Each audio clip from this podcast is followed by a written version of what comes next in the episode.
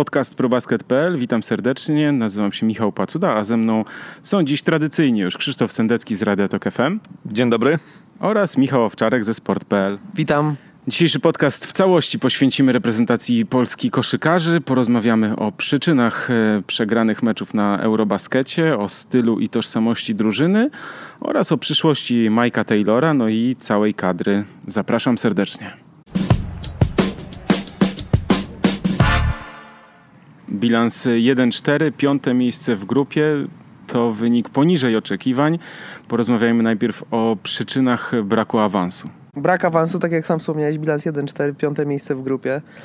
Z jednym zwycięstwem z grupy wyjść y, się nie dało w tym, w tym sezonie. Zabrakło przede wszystkim wygranej z drużyną lepszą od, od reprezentacji Polski. Widzieliśmy wszyscy ranking e, FIBA przed, y, mm, przed turniejem. 17 e, miejsce Polski, czyli gdzieś, y, gdzieś na granicy tej, tej czołowej szesnastki Mm, Europy. No i sparingi gdzieś dały nam tako, takie, takie poczucie, że, że może być dobrze. No, była wygrana z Rosją, była wygrana z Niemcami. Nawet, nawet Łotwę udało się y, raz pokonać, no bo raz też była porażka. Ta grupa wydawała się ciężka, naprawdę. Jedna z najtrudniejszych grup y, na turnieju, chyba też tylko można by zrobić takie porównanie grupę D, gdzie, która grała w, w Turcji, gdzie tam była Turcja, nie, y, Serbia, Rosja. No to, to jest taka grupa, z której też bardzo trudno by drużynie takiej jak Polska było awansować, no ale te, te, te, te sparingi dały taką, taką nadzieję, że, że niespodziankę da się sprawić. Tym bardziej, że Grecy mieli swoje problemy. Francuzi też nie są najlepszą drużyną, jaką, kiedy, jaką mogliby mm, stworzyć. No już ich nie ma w turnieju, bo odpadli w, w jednej ósmej finału. Finowie sparingami nie przekonali. No wiadomo, grali u siebie. To jest drużyna, która ma wielki system, y, lata tradycji, kontynuację pracy z trenerem Henrykiem Detmanem, który już tam naście lat y, pracuje i tworzy y, tą koszykówkę, no ale jednak wydawało się, że, że gdzieś można te, te, te, te mecze jak, w jakiś sposób odwrócić na, na naszą korzyść. No i były te szanse. Był ten mecz z Finlandią, który już, że tak powiem, witaliśmy się z gąską. Już byliśmy w ogródku, już, a tu nagle jednak się nie udało.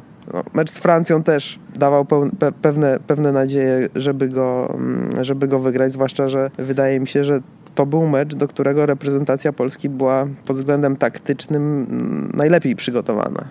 Że jednak to nie było czcze gadanie o tym, że, że AJ Slaughter podglądał przez y, sezon cały y, zagrywki i, i grę y, Vincent Coleta, także mm, Aaron Sell, który w tej Francji trochę meczów zagrał czy Rafał Juć, który latał do Lemał kilka razy w roku i te, też oprócz y, podglądania zawodników y, do NBA y, swoje widział. No i mecz z Grecją, która gra po prostu beznadziejnie przez pierwsze cztery spotkania. No. Nawet ten mecz z Islandią był no, w ich wykonaniu y, żałosny, ale jednak się nie udało. No. Greków mamy już w ósemce też.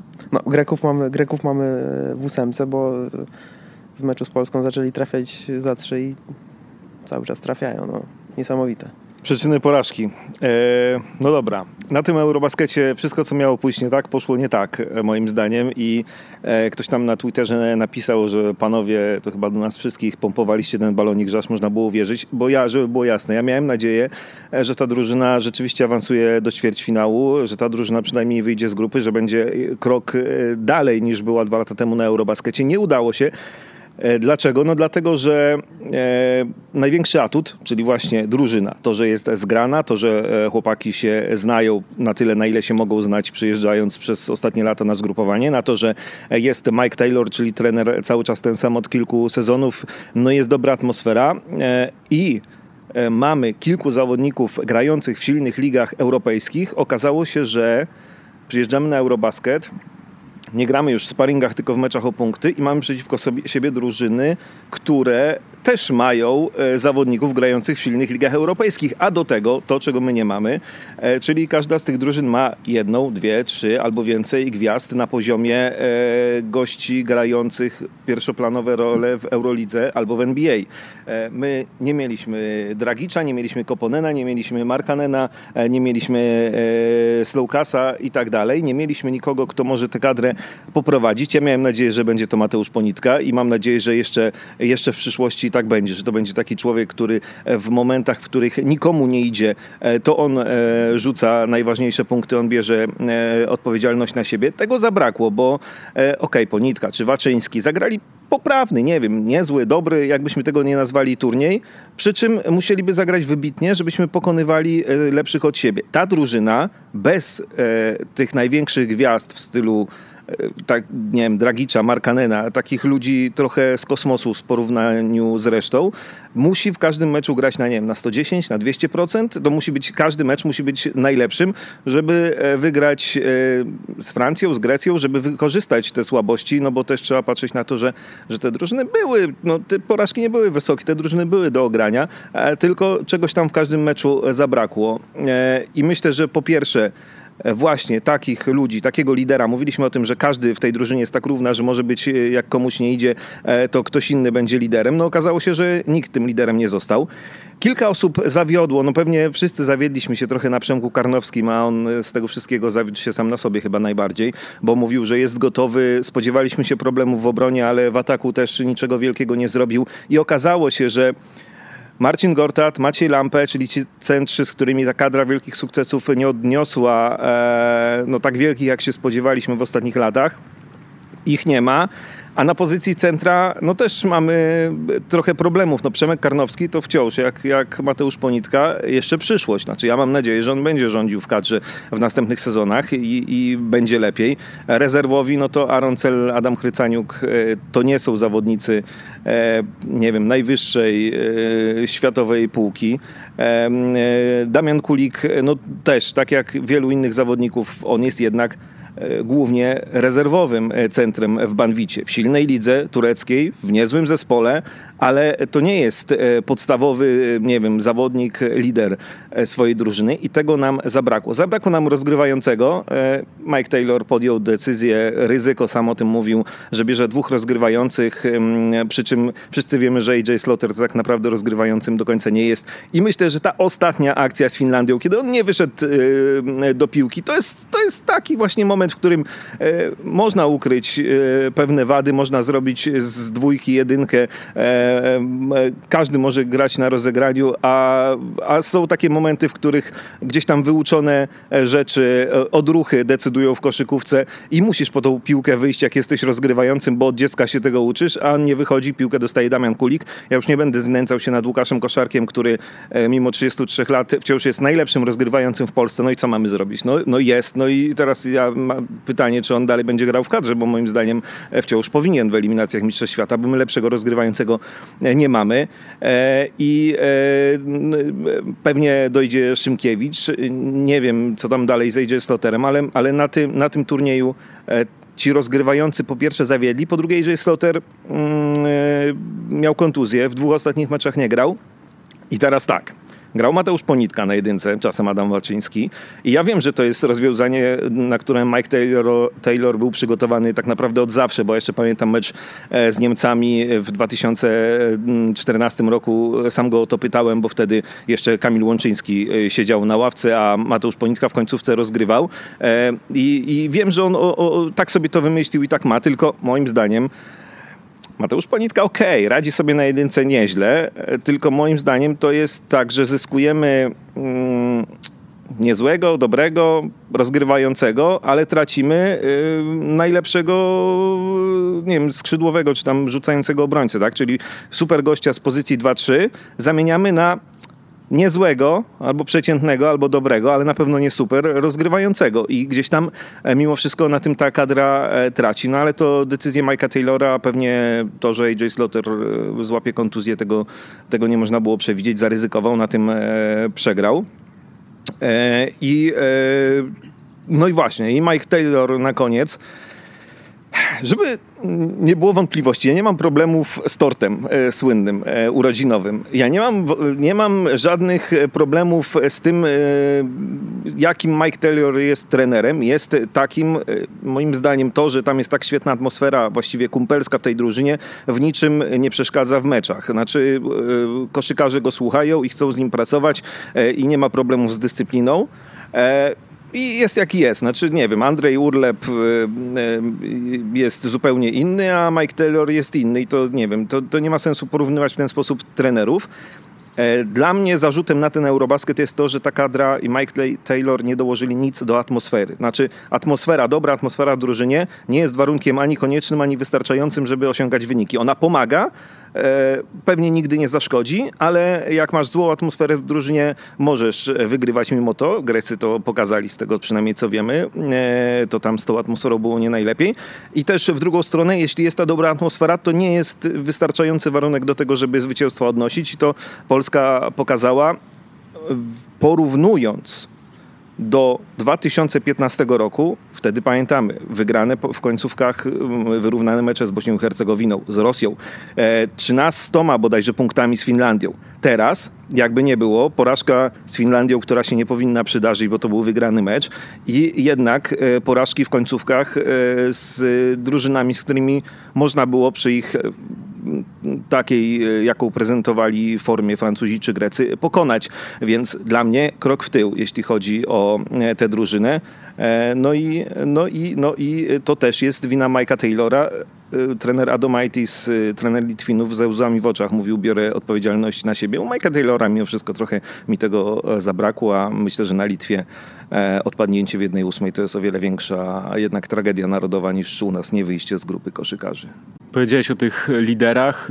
Zwróćmy uwagę, że w każdej z tych drużyn, z którymi graliśmy, yy, w meczach, w których przegraliśmy, tam byli jednak liderzy, którzy no, albo grają w NBA, albo są bardzo wysoko gdzieś w Eurolidze, tak? Dekolo, yy, MVP yy, Euroligi, Dragic, no to jeśli ktoś ma wątpliwości, dlaczego on gra, i gra w NBA i zarabia takie pieniądze, no to już chyba nikt nie ma wątpliwości. I, tu mi właśnie, no, nie mamy takiego lidera, nie mam takiej gwiazdy. Mieliśmy trochę nadzieję, obaj, w sensie we trzech mieliśmy taką nadzieję, że Mateusz Ponitka będzie właśnie takim liderem. E, tak się na tym Eurobaskecie nie stało.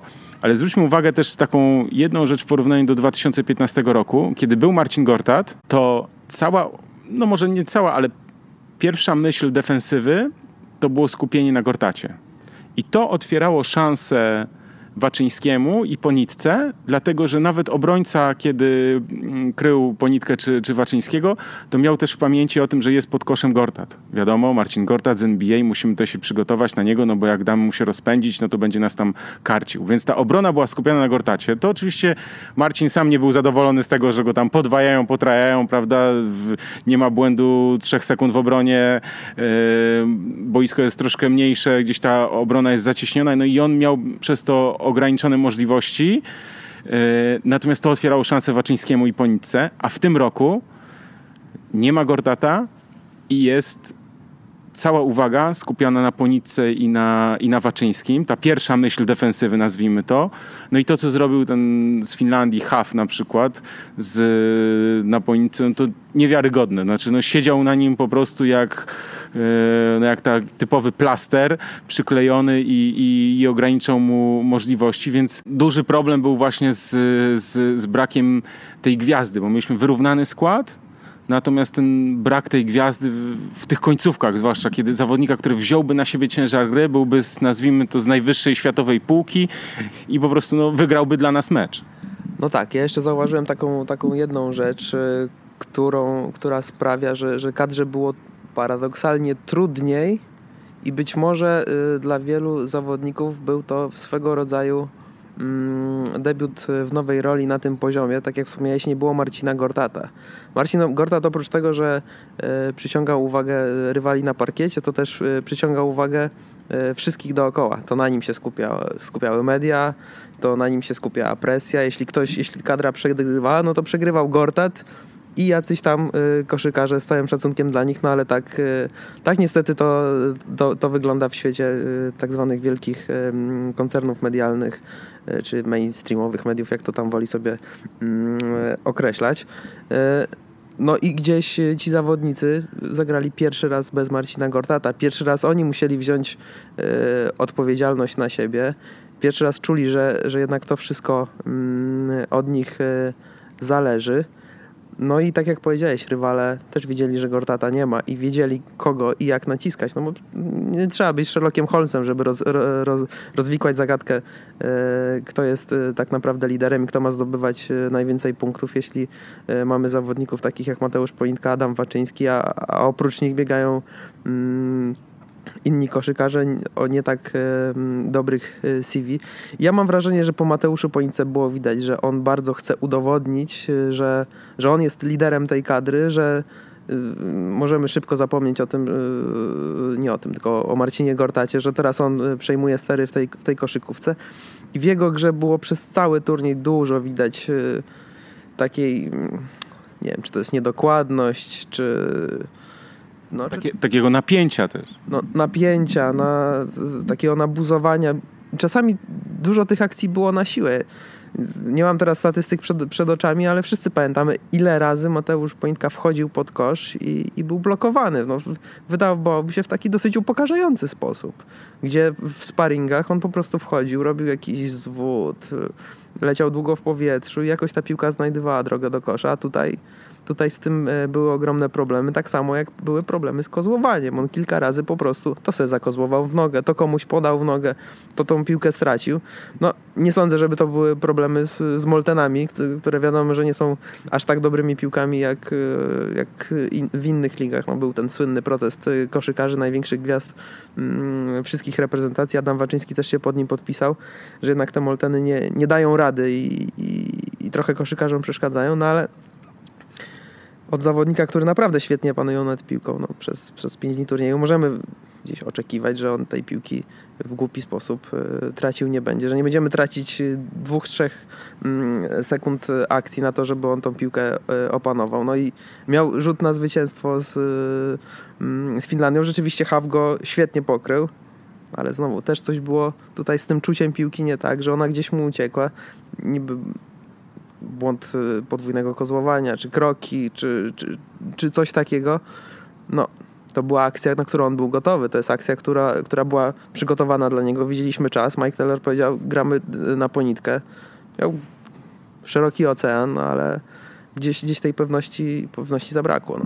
no. bo nie zapominajmy, że Ponitka przecież też kilka meczów wygrał e, w tych ostatnich latach i dla kadry, i też w swoich klubowych rozgrywkach, więc jakby to było oczywiste, tak, żeby grać jeden na jeden do, do Ponitki, który który kilka razy, jak trzeba było, przepraszam, bezczelnie wjechać pod kosz po prostu i albo wymusić fał, albo zdobyć punkty, to to robił, tak? I, i tutaj się to nie udało. E, no i tak jak Michał powiedziałeś, że właśnie, że widać było, czuć było to, to takie napięcie, to jak on bardzo chce. E, no i ja myślę, że jest teraz mądrzejszy o to doświadczenie i, że, i że, że następnym razem będzie lepiej, no bo przypomnijmy, że no to jest jeszcze e, młody chłopak, aczkolwiek na koszykarza już nazwijmy to doświadczony trochę, natomiast jeszcze chyba przed tym swoim tak zwanym prime'em, jak to się mówi w NBA.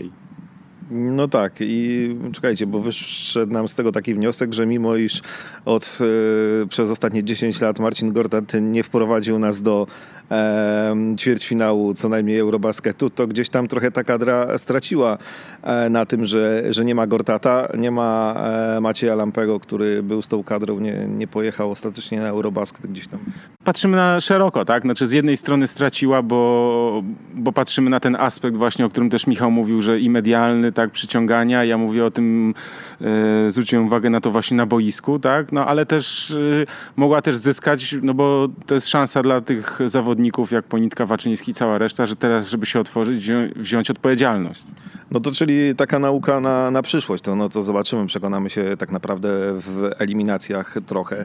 Eurobasket kolejny dopiero za 4 lata. Na pewno y, lekcja, y, z której trzeba wyciągnąć wnioski i ja cały czas trzymam się tego, że Mateusz Ponitka y, ma potencjał na to, żeby zostać gwiazdą koszykówki nie tylko w Polsce, nie tylko gdzieś tam na powiedzmy takim niezłym europejskim poziomie, a, a, a gdzieś tam raczej na poziomie tego Bogdana Bogdanowicza e, do którego e, go porównywałem. Teraz, teraz wszyscy się śmiejemy. Nie, nie, nie, ja się nie śmieję. Ja pytałem e, Mateusza Ponitkę przed, przed, nie, e, przed Eurobasketem, e, przed, tuż przed wylotem o Bogdanowicza i powiedział, że oczywiście to też już tam wcześniej mówił w wywiadach, że to nie ma sensu porównywać, bo to jest gość, który się rodzi jeden na, nie wiem, na, na milion, jest gwiazdą Fenerbahce, będzie grał teraz w, w NBA i tak dalej.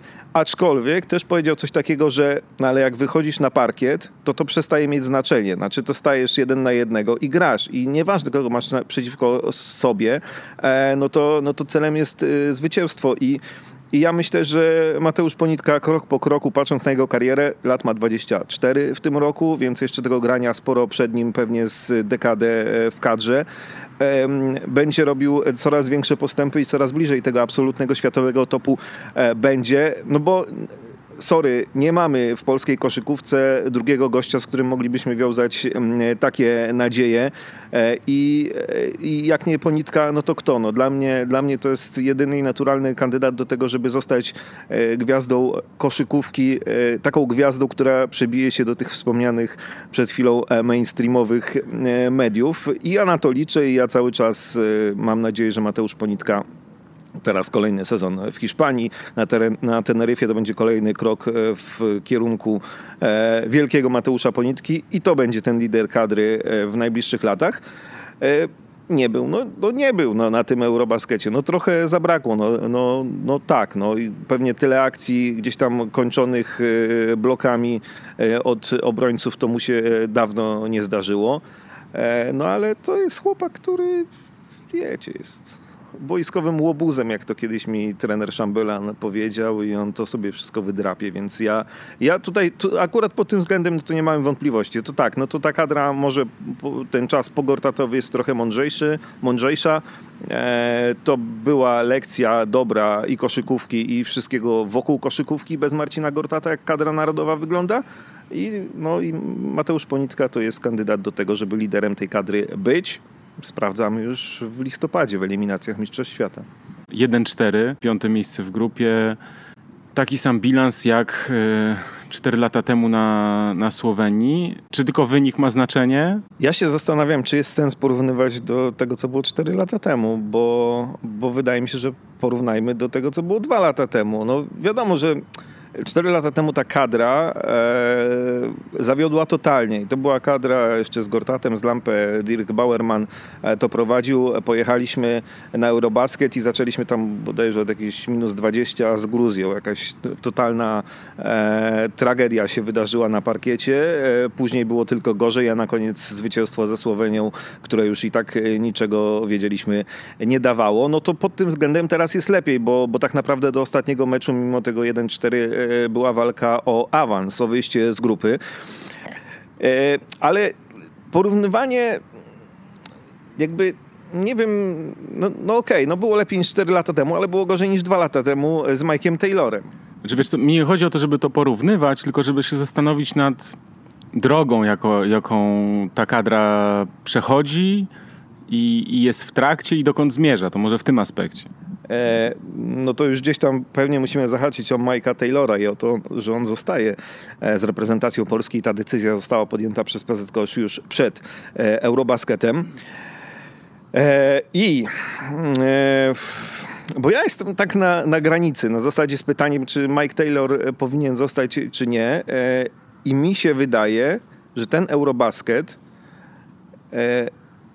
potwierdza jednak to, że, że gdzieś tam e, trochę e, poszliśmy źle. Znaczy, e, ja jestem generalnie zwolennikiem tego, żeby trenera wybierać na lata, a nie na jeden sezon. I tu jest gdzieś tam plus. Przy czym jeśli ta kadra szła w dobrym kierunku i jeśli Eurobasket 2015 był tego potwierdzeniem, bo wygraliśmy z Bośnią, bo wygraliśmy z Rosją, bo e, wygraliśmy spokojnie z Finlandią, wyszliśmy z grupy, e, walczyliśmy z Hiszpanią e, o ćwierćfinał e, przez trzy kwarty i przegraliśmy w czwartej, to to było ok.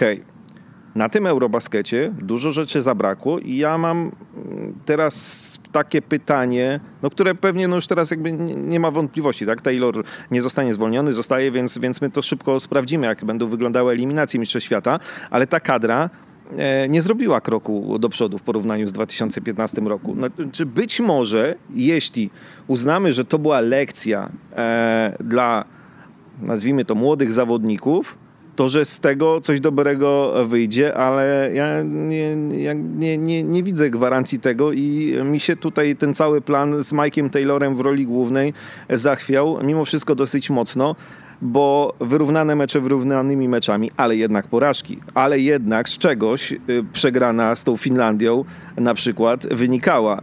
I wynikała z wielu rzeczy, z błędów trenera też i dobra atmosfera to nie jest wszystko w kadrze, raz jeszcze to mówię. Ale bierzesz pod uwagę y, klasę rywali grupowych. No i mamy ćwierćfinały i z tych grupowych rywali została nam Grecja, tak? Która miała być, a nie, i Słowenia jeszcze, tak? No dobrze, no e, okej, okay, Francja odpadła. No, no dobrze, no biorę klasę rywali grupowych, ale myślę, że trzeba patrzeć na siebie, bo to zawsze będzie wytłumaczenie. No? Jak chcemy awansować, wyjść z grupy, awansować do ćwierćfinału, to gdzieś tam po drodze trzeba mocniejszych od siebie e, e, pokonywać. Biorę klasę rywali, ale też, e, a Finlandia jest dobrym porównaniem, bo dwa lata temu było w miarę spokojne zwycięstwo zwycięstwo na Eurobaskecie z Finami, a teraz była e, porażka po końcówce, o której nie wiem, czy jeszcze jest sens po raz kolejny e, rozmawiać, no ale, ale jakby liczba błędów skumulowanych w ciągu tych dwóch minut i tych dwóch dogrywek, które się przytrafiły reprezentacji Polski, nie powinno się przytrafiać e, reprezentacji kraju grającego na Mistrzostwach Europy na tym poziomie. No, jeśli oglądałeś mecz Francja-Niemcy, no to byś zobaczył, że to nie jest nic takiego niecodziennego. Mecz się zakończył w niemal identycznym stylu. No, poza tym, że no, Francuzi tam jednak nie dogonili chociaż mieli genialną. Jeśli ktoś nie oglądał tego meczu, to, to, to, warto gdzieś poszukać tego w internecie, jak, jak Francuzi dali sobie szansę na, na rzut na dogrywkę, jak w jakiś sposób świetnie przenieśli e, piłkę spod jednego kosza pod drugi, uniknęli faulu Niemców, którzy prowadzili trzema punktami i szukali faulu, żeby tylko Francuzi nie mieli szansy e, na rzut na dogrywkę, a Francuzi wyszli z dosyć trudnej sytuacji jednym podaniem i, i, i Nando De Colo rzucał mm, e, trójkę. E, natomiast wracając y, do reprezentacji Polski, to moim zdaniem cała ta y, dyskusja o tym, czy Mike Taylor powinien zostać, odejść, jak patrzymy na ten Eurobasket, y, została zdeterminowana przez to, w jaki sposób tak zwany Polski Związek Koszykówki rozegrał sprawę przedłużenia kontraktu ze szkoleniowcem bo jednak y, całe środowisko y, doskonale o tym wie i teraz niektórzy piszą, że, e, że, że mm, nie wszyscy pisali, że przedłużenie było spodziewane, a teraz nagle są wątpliwości co do tej decyzji. PZ Kosz od początku roku y, był już przekonany o tym, że przedłuży kontrakt y, z Mike'em Taylorem. Czemu tego nie zrobił? No to jest pytanie y, do Grzegorza Bachańskiego. Czemu tak z tym zwlekał? Nie może mu się nie chciało, może był zajęty, może miał ważniejsze rzeczy na głowie. No i podpis przedłużył kontrakt z trenerem tydzień przed wylotem na mistrzostwa, nawet, nawet mniej co jednoznacznie e, narzuca pewien sposób e, odbioru przez e, kibiców i pewien sposób narracji. PZ Kosz sam sobie, że tak powiem, napytał biedy i, i, i trochę wrzucił trenera pod, pod autobus, bo, bo już się pojawiły komentarze, podpisał kontrakt, to znaczy, że mu się nie chce, to znaczy, że być może czegoś tam nie dopilnował, skoro ma dwa tłuste lata przed sobą Mm, pracy, więc jeśli gdzieś, gdzieś ja bym tak spojrzał trochę szerzej i, i jednak y, y, winę za, za to wszystko trochę mm, zrzucił y, na PZ Kosz. Lubimy szukać winnych, więc ja, ja bym wskazał na PZ Kosz. Zwłaszcza, że mając świadomość tego, jak wygląda sytuacja, jakich mamy grupowych rywali, mm, to aż się prosiło, żeby to lepiej rozegrać PR-owo. Można by, można by to dużo, dużo fajniej pokazać i, i ten wynik, nawet jeśli byłby taki sam, a, a narracja byłaby taka, że przedłużamy umowę z trenerem o te kolejne dwa lata. Wiadomo, że nie będzie Marcina Gortata. Marcin Gortat zrezygnował z gry w kadrze. Naszym celem są, jest awans do Mistrzostw Świata. Pierwszy od hen, hen, hen wielu, wielu lat. W Mistrzostwach Świata chyba żaden z nas, nie, na pewno żaden z nas nie pamięta gry w Mistrzostwach Świata, bo jest to niemożliwe, bo żaden z nas się nie, dość, że nie urodził, to nawet nie został poczęty, gdy Polska grała po raz ostatni w Mistrzostwach Świata. To wtedy byśmy trochę na ten wynik patrzyli inaczej. Ta kadra rzeczywiście wtedy byłaby się uczyła przygotowywała do gry w eliminacjach i tak dalej. Ale z racji tego, że PZ zrobił mm, jak zrobił, no to, e, no to niestety e, ten wynik, e, to wtedy Eurobasket i gra na Eurobaskecie była grą o wynik. Nie o przyszłość, tylko o wynik. No a wynik e, został brutalnie zweryfikowany. Warto zacytować Mike'a Taylora. Eurobasket mówi prawdę o drużynie. No i prawda jest taka, że e, jesteśmy średniakiem. Jesteśmy po prostu średniakiem, który nie jest w stanie jakiejś takiej niespodzianki mm, sprawić, a, a, jak, a jak sytuacja jest trudna, no to no to nawalamy. Natomiast Krzysiek mówił o tej, o, o tej końcówce meczu z, z Finlandią. Mm, i, błędach trenera. No ja polecam obejrzeć e, ten, tą, tą końcówkę sobie, jak ktoś ma możliwość mm, jeszcze raz. Na zwolnionym tempie najlepiej wyłączyć komentarz, jeśli zamierza oglądać na TVP Sport, no, żeby się po prostu skupić na analizie tego, co się dzieje. Lepiej na Live Basketball TV, bo można posłuchać tego, co trenerzy mówili do, mm, do zawodników i nikt nie zagaduje tego. I, i zobaczyć, że plan na rozegranie tych y, końcowych fragmentów był. Pytanie jest, koszykarze popełnili błędy, jeden za drugim. Jedni gorsze, mm, drudzy lepsze. Chyba trzeba by Łukasza Koszarka zapytać, dlaczego w ostatniej akcji podał do Markanena, a nie do Adama Waczyńskiego, który był najbliżej i, i był kompletnie, mm, kompletnie wolny, ale plan na to, plan na to był gorzej było z jego realizacją. Dlaczego nie byli w stanie tego wyegzekwować? Po pierwsze klasa rywala. Po pierwsze też y, pomysły Henryka Detmana, który w bardzo sprytny sposób y, podszedł do, do, do rozegrania końcówki. Y, najpierw Raniko chwilę wcześniej, zanim Huff uderzył AJ Slotera w, w, udo, Mm, Raniko skakał tak przy wprowadzającym piłkę e, Polaku, żeby specjalnie przekroczyć e, mm, linię boczną i żeby dowiedzieć się, e, co Polacy zagrają, żeby wypić ich z rytmu i trochę, mm, trochę napsuć tutaj. Polacy rozegrali swoją akcję tak, jak chcieli. Został sfaulowany Przemysław Zamojski. Finowie co zrobili? Zmienili zawodnika kryjącego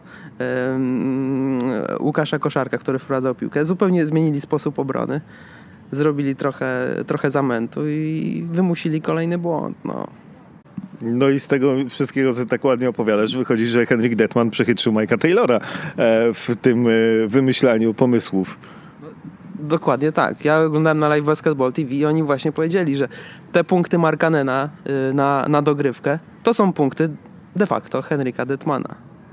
No, yy, nie wiem, czy z tego jest wniosek, że już zwalniamy Mike'a Taylora, czy nie, bo tak jak mówimy, zwolniony nie będzie, ale yy, znaczy, trzeba sobie zadać pytanie. Czego my po tej kadrze i po Mike'u Tayloru, Taylorze e, się spodziewamy e, i czego oczekujemy? I wydaje mi się, że tak.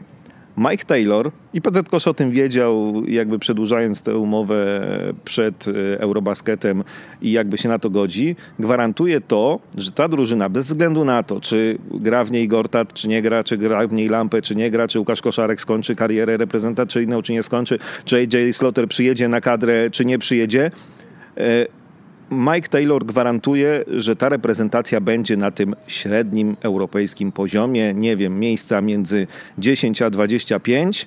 Może e, kiedyś, a teraz będzie mm, mniej szans, bo co 4 lata Eurobasket, może kiedyś jak wszystko wypali e, i wszyscy zagrają na 200%, to uda się wskoczyć do ćwierćfinału, a może nie.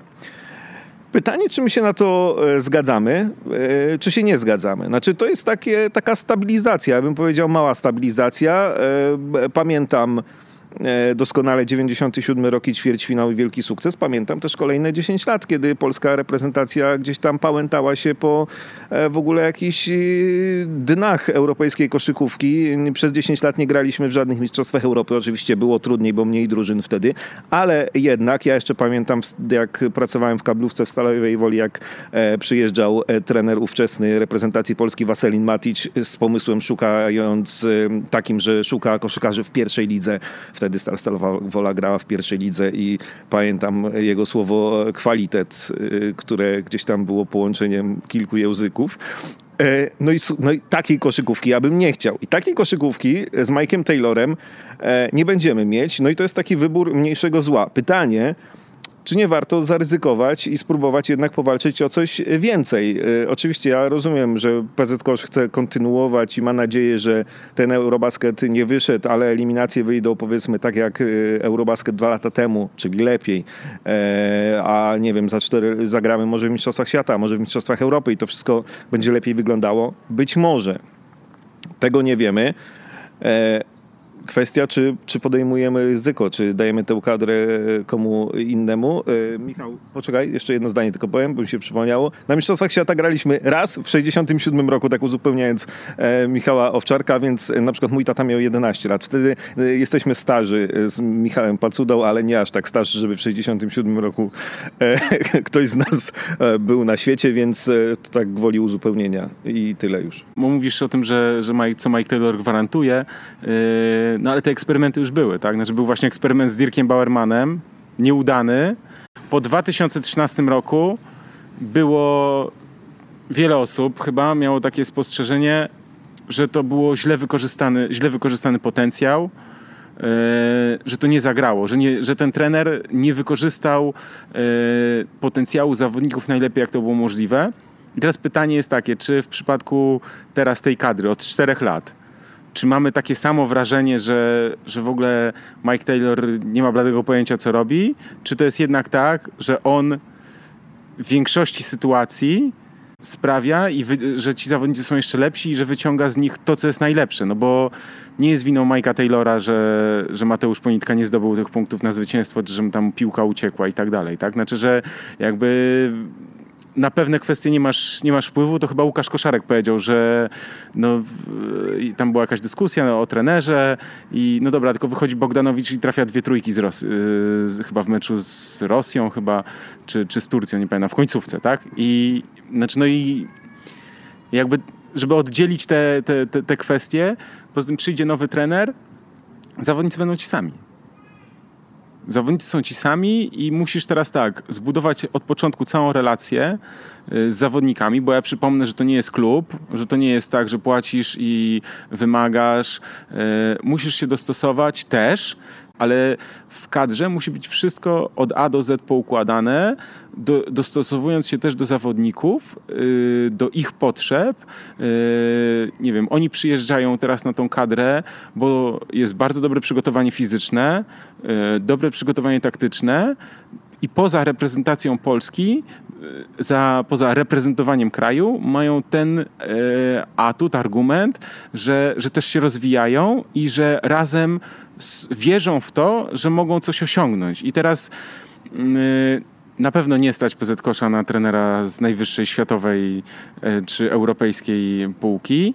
Ja uważam, że, że na, ten, na, na obecny stan i na to, jakich mamy koszykarzy, to ta droga, która jest, e, którą, którą polska koszykówka idzie z Mike'iem Taylorem, który też wyciąga młodych graczy, daje im szansę. Są ogromne nadzieje związane z Szymkiewiczem, tak? Tylko trener Taylor yy, no, powiedział jasno, że on uznał, że po prostu Szymkiewicz nie jest gotowy w tej chwili na to, żeby jechać na Eurobasket, że, nie, że, że oni to wspólnie podjęli ze sztabem szkoleniowym, tak? Tam był też Arek Miłoszewski, Wojciech Kamiński, Krzysztof Szablowski, też scout e, Rafał Juć e, i oni wspólnie podjęli taką decyzję, że lepszy dla drużyny będzie w przypadku czy kontuzji, czy fauli, na przykład właśnie stoter koszarek tej pary, że większą efektywność da da Mateusz Ponitka grając na jedynce, niż na przykład Daniel Szybkiewicz w danej chwili. No ale ty, Michał, też rozmawiałeś z trenerem Taylorem ostatnio, jest wywiad na sport.pl, więc też masz e,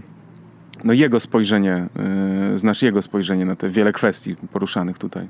No tak, ale też, też warto wrócić do tego, o czym wcześniej mówiłem i, i, i trzeba spojrzeć trochę szerzej na, na cały kalendarz rozgrywek, no bo, bo wiemy, że od w zasadzie już od teraz, czyli od, od jesieni 2017 zmienia się kompletnie to e, kalendarz rozgrywania spotkań reprezentacyjnych e, koszykarzy już nie ma tych letnich turniejów rok do roku, czy to eliminacyjnych, czy, czy mistrzowskich. Teraz zaczynają być rozgrywane okienka. No i rzeczywiście można szybko zwolnić trenera, zatrudnić nowego. Mm, gramy z, z, z Litwą i, i, i, z Węgrami na, na sam początek. I co? I pospolite ruszenie mamy tak naprawdę, bo y, okres y, przygotowawczy przed pierwszym meczem to są 3, 2, 3, 4 dni. To, to tam zależy też jak się komu loty ułożą, jak to będzie wyglądało, kto kiedy będzie grał mecz. Koszykówka zacznie mie mieć y, problemy lub też musi się dostosować do sytuacji, która już w piłce nożnej jest od, od wielu, wielu lat. Trzeba też pamiętać o tym, że e, kluby NBA i Euroligi, znaczy Euroligi to jeszcze na razie, ale wydaje się wątpliwe, żeby wypuściły swoich koszykarzy. W przebudowie będzie połowa drużyn e, w Europie.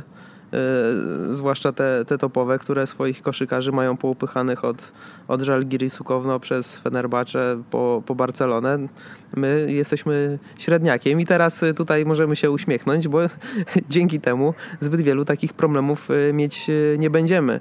Mm, jeśli potraktujemy te, te, ten Eurobasket, znaczy no musimy sami to potraktować, bo niestety, przepraszam, że to znowu do tego wrócę, ale PZ nie chciał, żebyśmy tak potraktowali, tylko, tylko zmusił nas do tego, mm, do tego, żebyśmy patrzyli tylko na wynik. No i, i teraz sobie dyskutujemy o tym, czy zwalniać trenera, nie zwalniać, czy ci koszykarze zawiedli, czy nie zawiedli, zamiast pomyśleć o tym, że może jednak mm, warto po, jak Krzysiek wyliczył, ponad 40 latach, y, y, czy nawet więcej, 50, y, pojechać na Mistrzostwa Świata.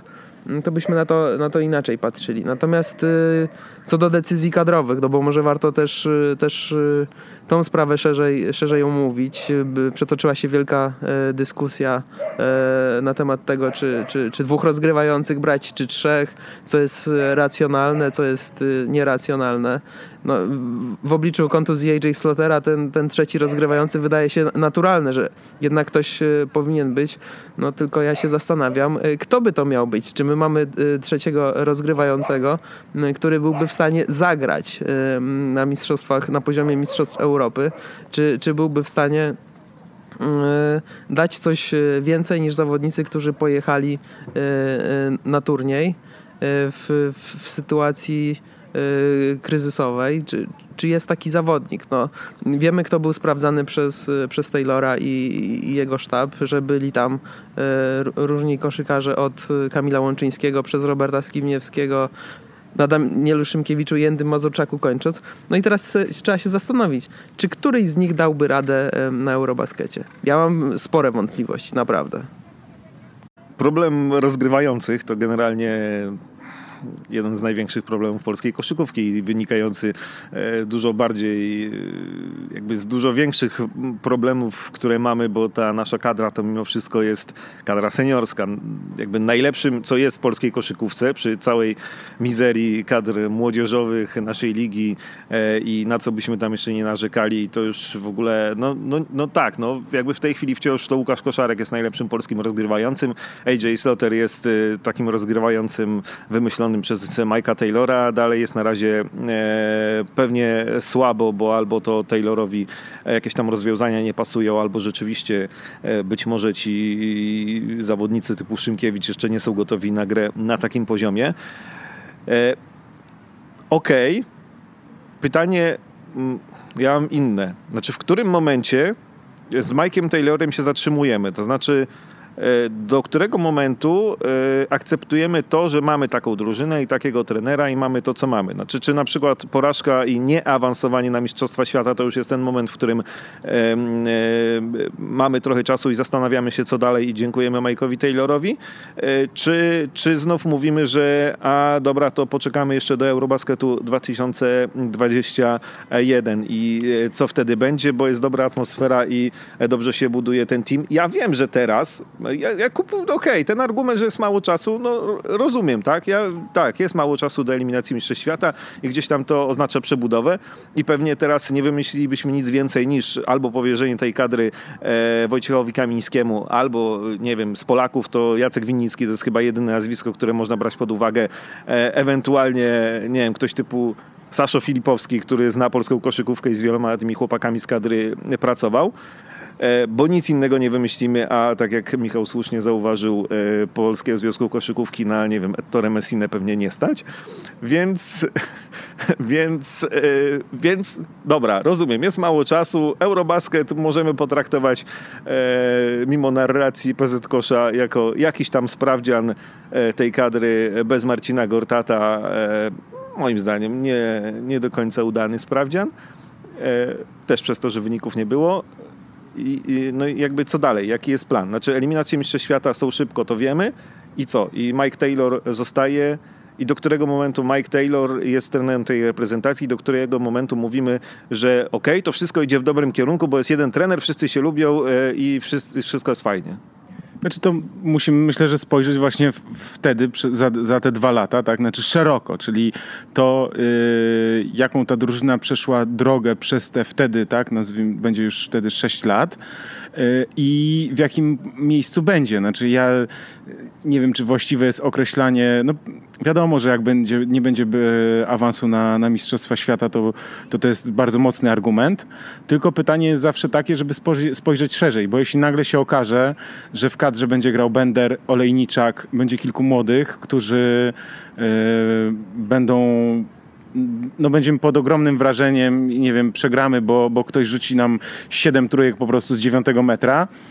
Yy, to myślę, że trzeba po prostu spojrzeć na, na, na, to, na to szerzej i na to, jak te najbliższe dwa lata będą, e, będą wyglądały, w jakim składzie i właśnie kto do tej kadry też e, może dołączyć. No i myślę, że tutaj też jest duża rola Mike'a Taylora teraz z drużynami młodzieżowymi, to znaczy, żeby też właśnie być obecnym, być wsparciem dla tych trenerów kadr młodzieżowych, troszkę pokazywać tą, tą drogę, którą ci zawodnicy mogą przejść, żeby oni też e, wierzyli w to, że, że tam w tej, nazwijmy to dorosłej, czyli seniorskiej koszykówce jest trener, który e, których na nich liczy, na którego mogą e, właśnie liczyć na wsparcie, na, na, na też na, na radę i że, i że to, to wszystko ma sens, że, że trzeba teraz z nim może jakąś też uzyskać jakąś właśnie, nie wiem, poradę, bo, bo też mam takie wrażenie, że, że tak jak Mateusz Ponitka na przykład, zwróćmy na, zwróćcie na to uwagę, zobaczcie, że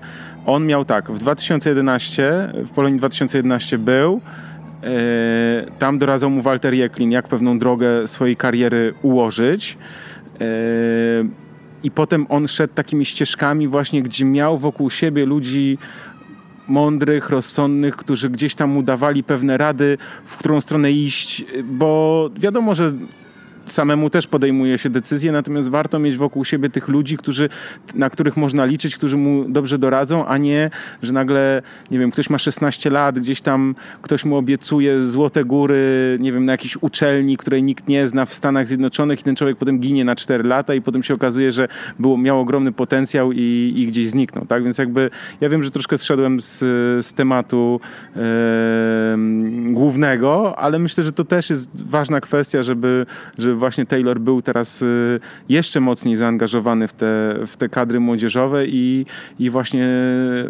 żeby z tych kadr też byli zawodnicy, bo oni są, tak? Znaczy oni tam są, tylko że kwestia jest taka, że, że teraz trzeba zrobić wszystko, aby oni weszli na, na jak najwyższy poziom, bo, bo zawodnicy, którzy mają potencjał do tego, żeby grać. Ja ostatnio rozmawiałem z Łukaszem Koszarkiem, on powiedział, że przecież w wieku 26 lat też można zrobić ogromny postęp. I, i, I to nie jest tak, że jak ktoś ma 20 lat i nie wiem, nie załapał się już do kadry seniorów w wieku 20 lat, tak jak nie wiem, Ponitka, to znaczy, że no już to nic z niego nie będzie, tam pierwsza, druga liga, tak? Znaczy, że ten proces też czasami u niektórych jest, jest dłuższy, a, a nadal, można, nadal można zajść bardzo wysoko, nawet mając właśnie 25 lat. No, Damian Kulik jest takim przykładem zawodnika, który błąkał się i, i, i przeskakiwał po różnych klubach, aż w końcu mm, trafił do, do reprezentacji Polski, do, do silnej ligi. Natomiast wracając do tego, co, co Krzysiek mówił, kiedy mm, powinien być okres e, weryfikacji? No, kontrakt jest podpisany na, mm, na dwa lata. Natomiast y, wydaje mi się, że jeśli y, eliminacje, y, wszyscy wiemy jak wyglądają, tak? Są dwa etapy. Jest pierwszy etap, gdzie grają, gramy w czterozespołowej grupie, trzy najlepsze drużyny awansują dalej i potem łączymy się z, z drugą grupą, mm, wyniki zaliczane z pierwszego etapu i z sześciozespołowej grupy trzy drużyny mm, awansują dalej. No to moim zdaniem, jeśli pierwszy etap zostanie zawalony i z grupy, w której jest e, Kosowo, Węgry, e, Litwa nie awansujemy, no to myślę, że e, ta umowa zostanie błyskawicznie rozwiązana, bo to, to byłaby jednak krótko mówiąc, e, masakra. Gdzieś, e, gdzieś fajne podejście e, miał Kuba Wojczyński z przeglądu sportowego do tego, jak, jak podchodzić do, do, do, do przedłużenia mm, kontraktu z Mike'iem Taylorem, czy go zwalniać, nie zwalniać, to z tym warto się też zapoznać i, i on gdzieś też, gdzieś też podobne rozwiązanie sugeruje, że gdzieś połowa tych eliminacji to jest taki dobry okres na to, żeby się mocniej zastanowić, także że terminarz na to sprzyja, bo między tam lipcem a kolejnymi meczami we wrześniu jest, jest, jest sporo czasu. No bo nie wydaje mi się, z całym szacunkiem dla Polskiego Związku Koszykówki, żeby teraz między Eurobasketem a, a listopadem był w stanie znaleźć e, jakiegokolwiek rozsądnego e, kandydata na trenera, a, a przez to, że podpisał kontrakt z Mike'iem Taylorem, no to nie sądzę, żeby byłoby go stać na, de facto na zatrudnienie dwóch trenerów, no bo przecież jeśli kontrakt się rozwiązuje, no to ktoś musi Y, coś w związku z tym y, zapłacić. Ja do końca nie wiem, jak wygląda ta, ta, ta umowa, ale nie podejrzewam, żeby, żeby Mike Taylor był na tyle naiwny, żeby uwierzył w piękne słowa y, pięknych dżentelmenów z ulicy Ciołka. No, nie wydaje mi się, żeby to tak wyglądało. Natomiast no, to przy ogłaszaniu y, zwróciło moją uwagę i to, co teraz Michał powiedziałeś o, o, o tym, że Mike Taylor będzie tam y, nad tą młodzieżową koszykówką też sprawował. Nie też, tylko jeszcze mocniej, tak, żeby to podkreślić, bo jakby on jest obecny przez cały sezon w tym wszystkim, był obecny, no i był kadra B, też mieli konsultacje, także to, to też, żeby było jasne no ze słów prezesa Bachańskiego wyglądało tak, jakby to byłby taki początek tego. Mike Taylor e, jest e, tutaj już e, czwarty, czwarty rok z nami wszystkimi.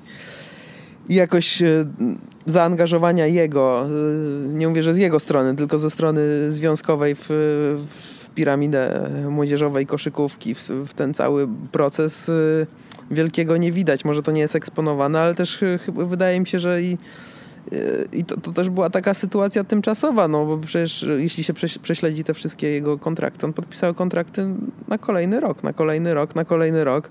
Czyli de facto mamy kontynuację pracy, ale nie wynikała ona z tego, że w 2014 roku PZ Kosz pomyślał, o, popracujemy kilka lat z jednym y, trenerem, będzie kontynuacja, zobaczymy co z tego wyjdzie, tylko wynik eliminacji, wynik Eurobasketu przedłużamy, wynik y, kwalifikacji do Eurobasketu, no to przedłużamy. To raczej y, ta kontynuacja jest, y, mm, jest jakby taką efektem tego, co PZ Kosz robi, a nie była ona planem. No, to jest znaczy efektem wyników też chyba tak nie, spójrzmy na to szerzej. Znaczy no, y, nie podpiszesz człowieka w ciemno na 5 lat nagle, nikt tak nie robi, yy, ale w momencie, kiedy coś się sprawdza, tak, to chcesz to kontynuować. No. Znaczy, bo, bo nie chcesz też popełnić błędu takiego jak był z trenerem Pipanem, że o, mogliśmy, była okazja Dirka Bauermana, prawda, wielkie nazwisko, sukcesy. Mm, znaczy to ryzyko już zostało podjęte, więc w tym przypadku, ja to, ja to tak rozumiem, e, po prostu te wyniki pozwalały na, na kontynuację i dzięki temu też jest, zachowujesz ten proces. No, zgadzam się, tylko nie wiem, jak były skonstruowane te umowy, ale z, z, tego, jak, w jaki sposób cały proces przebiegał w, w latach ostatnich, no to mam wrażenie takie, że po prostu była umowa, y, jak będzie wynik, no to będziemy negocjować, y, czy podpisać kolejną na następny y, okres. Można y, kontrakt skonstruować inaczej. Można podpisać jakieś takie porozumienie, zobowiązanie wieloletnie. Natomiast w przypadku nieosiągnięcia pewnych celów, wyników lub też mm, zastosować różne opcje, że następuje po każdym roku weryfikacja z możliwością skrócenia tej umowy. Więc jeśli byłby taki plan wieloletni, i ta umowa byłaby skonstruowana w ten sposób, y, że można by ją wcześniej skrócić, to by to wyglądało inaczej. A tak to co roku żeśmy pisali, zastanawiali się, dyskutowali o tym, czy Mike Taylor przedłuży, czy nie przedłuży i jak to będzie wyglądało. No i aż doszło do takiej sytuacji, że ogłosiliśmy przedłużenie kontraktu mm, y, na kolejne y, eliminacje tuż przed wylotem kadry, no, co jest moim zdaniem strzałem w stopę i kolano za jednym razem dla PZ Kosza. No i w tej chwili nie było wyników, a jest przedłużenie kontraktu. O, e, więc... Ale nie, poczekaj, bo przedłużenie było przed. Dobra, możemy się tu śmiać. E, prawda jest taka, żebyśmy też nie poszli... Było po wynikach sparingów. Sparingi były zadowalające, to przedłużyliśmy. E, bo żebyśmy nie poszli w tę stronę znowu, że fajnie przebudowujemy kadrę, już nie ma Gordata i w ogóle pa patrzymy szerzej, e, a zapominamy o wynikach. No te wyniki muszą być. Na Eurobaskecie trzeba to jasno powiedzieć, wyniku zabrakło.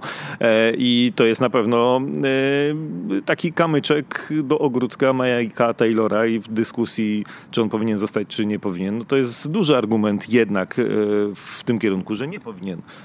Okej, okay, znaczy no, nikt, nikt nie mówi, w sensie ani z, od Mike'a Taylora nie usłyszysz, e, ani od, no, od nikogo nie usłyszysz, że, że wszystko, się, wszystko jest okay, nic się nie stało, tak? Znaczy no, stało się to, że, że jest brak awansu, że znaczy wygraliśmy tylko jeden mecz, że przegraliśmy końcówkę z Finlandią po no, dużym splocie, nazwijmy to, nie, nie, nie, nie, nie, niefortunnych błędów, jakby to nie, nie ulega wątpliwości. Tak? Tylko, tylko teraz powstaje pytanie, czy to jest wystarczający argument do rewolucji takiej jak, yy, takiej jak było wcześniej, bo Michał przypomnij mi, ilu trenerów w ciągu ilu lat było? Było yy, 13 lat, 8 trenerów. To przed Mike'em Taylorem, czyli od 2000, y, 2000 y, roku do 2013 ośmiu szkoleniowców prowadziło kadrę. Warto też przypomnieć, y, że PZ Kosz był, był Andrzej Urlep trenerem. 2007 rok prowadził kadrę w, na Eurobaskecie. 2008 roku nie graliśmy nigdzie, bo w 2009 Eurobasket był organizowany w Polsce. Dalej Andrzej Urlep z tą kadrą sobie latał po świecie, między innymi chyba w Argentynie e, gdzieś tam podróż e, ich zawiodła. Mm, natomiast kto prowadził kadrę w, na Eurobaskecie w Polsce? Mulika Curin. Też mieliśmy rewolucję przed turniejem. No, także były te, te losy i decyzje Polskiego Związku Koszykówki mm, mówiąc nie wiem, dosyć delikatnie, no, były po prostu kretyńskie. Czyli mogły wzbudzać kontrowersje, tak? No, no właśnie, znaczy mi o to chodzi, tak? Znaczy Krzysiek, bo ja wiem, że y, to, co chcesz powiedzieć, y, nie ma wyniku, były błędy, były problemy, tylko jest pytanie takie, czy patrząc szerzej i do, na doświadczenia tych poprzednich lat i na to jednak jednak patrzmy też na te cztery lata, tak? Dwa razy wygrane kwalifikacje. Ja rozumiem, że to jest obowiązek, tak? Bo graliśmy ze słabymi drużynami, no ale chwileczkę, znaczy z Niemcami graliśmy i, i, i to, jak przecież te, te kwalifikacje, no nie te ostatnie, tylko te wcześniejsze, tak? Ta, wygrania, ta wygrana w Toruniu, potem przegrana w Austrii. Zwróćcie uwagę na odpowiedź, jak, jak ta drużyna odpowiedziała meczem w Niemczech, tak? To znaczy, no żeśmy po prostu ich wszyscy się bali, że Niemcy nas rozjadą po tej porażce z Austrią, tak? I chłopaki po prostu, znaczy drużyna odpowiedziała mega, tak? W sensie i, i, i rozbiła Niemców na wyjeździe.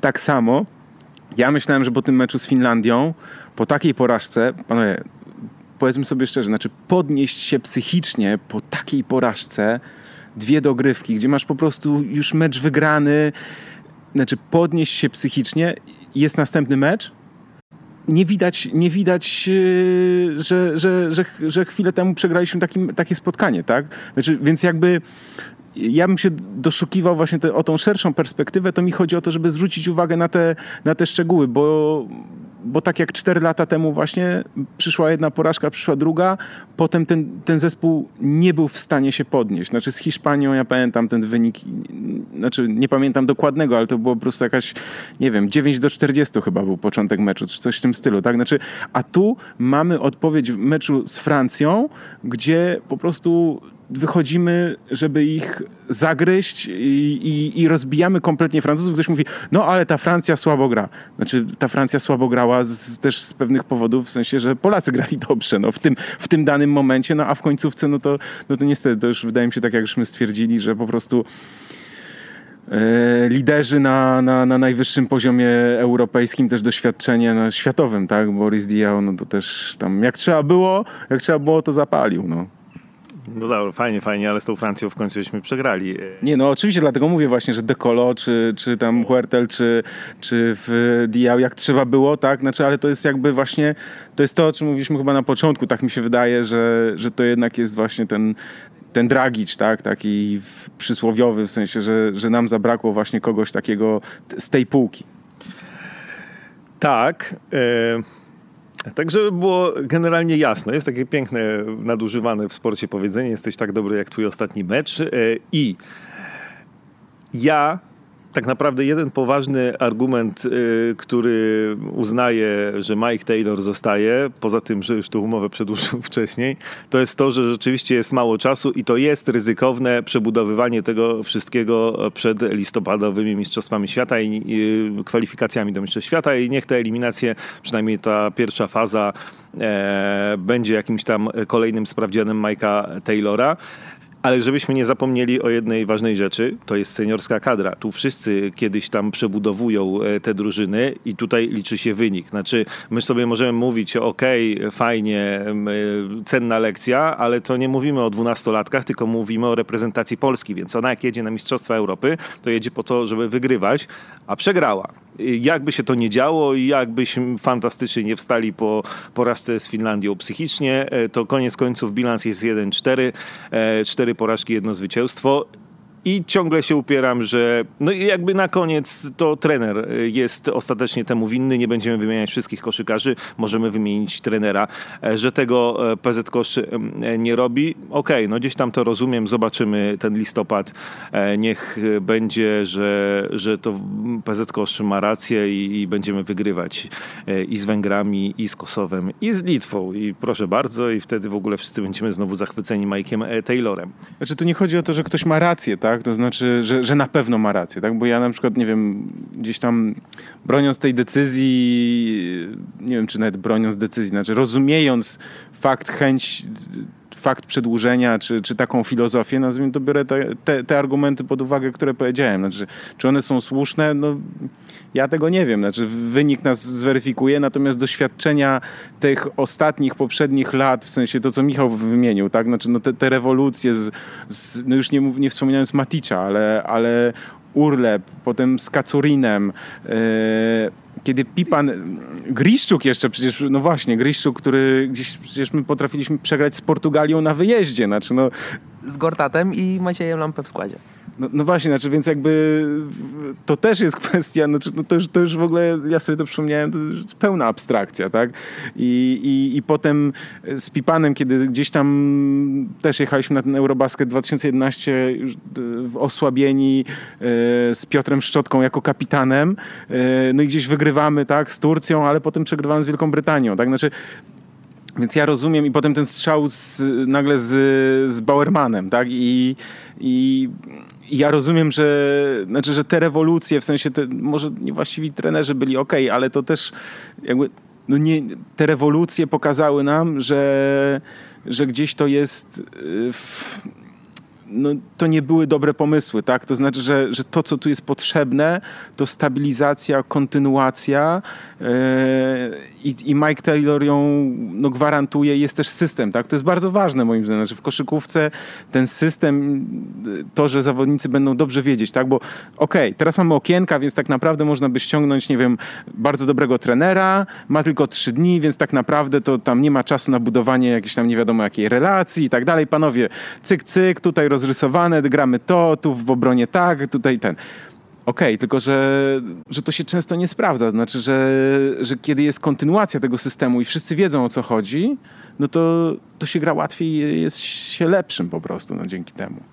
No i to jest akurat ten plus, to już Michał też wspominał, tych okienek, że może będziemy, bo, bo tak możesz grać, jeśli masz 12 gwiazd z NBA i wtedy zakładasz, że oni przyjadą i, e, i, i mogą zagrać, a tutaj no to będzie na plus dla reprezentacji Polski. Ja bym chciał wrócić jeszcze do jednej rzeczy, też wspomnianej wcześniej, gdzieś tam współpracy Mike'a Taylora z kadrami młodzieżowymi to jest jakiś y, zaczątek, y, malutki punkcik tego, co jest w całej Europie normalne, y, na całym świecie, znaczy w tych państwach grających powiedzmy o medale Mistrzostwa Europy czy Mistrzostw Świata. E, my chcielibyśmy do takiego punktu dojść.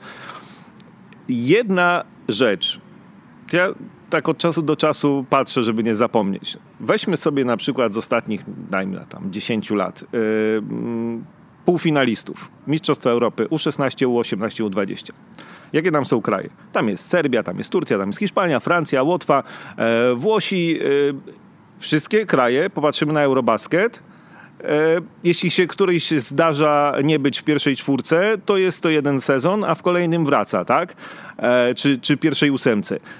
To nie jest tak, że we Francji, e, czy na Bałkanach, czy na Litwie e, gwiazdy NBA spadają z nieba i akurat mają paszport litewski, serbski czy francuski. No, no nie, to jest gdzieś tam ileś tam e, lat budowania koszykówki, czego u nas nie ma. I my dzisiaj mówimy, no okej, okay, mamy młodych, ale ci młodzi, te kadry grają w dywizji B. E, chyba wszystkie w komplecie w tej chwili. I tak naprawdę wychodzi na to, że rocznik 93, Ponitka, e, Karnowski, e, i tak dalej, Gielo, to nam, to nam spadli z nieba, bo ja nie jestem w stanie wytłumaczyć racjonalnie tego, jak to się stało, że rocznik 93 w Polsce się pojawił, bo się pojawił chyba przypadkowo dosyć i no i, no i cieszmy się, że taki rocznik się trafił, ale tak naprawdę powinniśmy taki rocznik mieć co rok albo co dwa lata. E, a my, no wiadomo, jak masz kadrę w dywizji B, no to jest szansa, że nie wiem, drużynie U16 jednego, może dwóch masz takich szesnastolatków, którzy może w przyszłości będą e, w reprezentacji Polski. Oczywiście oni mogą zrobić postęp w wieku 26 lat, no pewnie każdy może, tylko jakby też trzeba pamiętać o tym, że to nie jest wszystko e, gdzieś tam wynikiem przypadku, tylko lat budowania e, na każdej płaszczyźnie i na każdym poziomie koszykówki. Poczekaj, tylko miejmy jasność, tak? Że to jest piramida na każdym etapie, tak? Zaczynając od szkoły, po klub, potem mamy kadrę, ok, klub młodzieżowy, jeśli wybiera y, szkołę w Cetniewie, to jest szkoła w Cetniewie, a potem jest seniorski basket. No tak, no i w Polsce od wielu, wielu lat y, generalnie ta piramida jest y, dziurawa i e, mocno, że tak powiem, e, nie wiem jak to nazwać, piramida się może walić, no, generalnie wygląda słabo, bo, e, bo jakby ja już ja trochę wiem, jak wygląda to na najniższym poziomie, bo gdzieś tam mój syn trenował w Warszawie i e, jak zaczynamy od, no to znowu jest dyskusja na trzy godziny, jak zaczynamy od tego, że e, drużyna, e, powiedzmy, czy drużyny, które na Mazowszu w wieku tam U10, U11, U12 są najlepsze i tam jest czasami problem, żeby dwunastkę meczową sklecić, no to o czym my rozmawiamy? Znaczy, najlepsze drużyny, nie mówię, że na Litwie, ale chociażby nawet w Czechach wchodzisz na stronę i tam w każdym każdym roczniku masz na przykład cztery drużyny, tak? I masz 40 chłopców.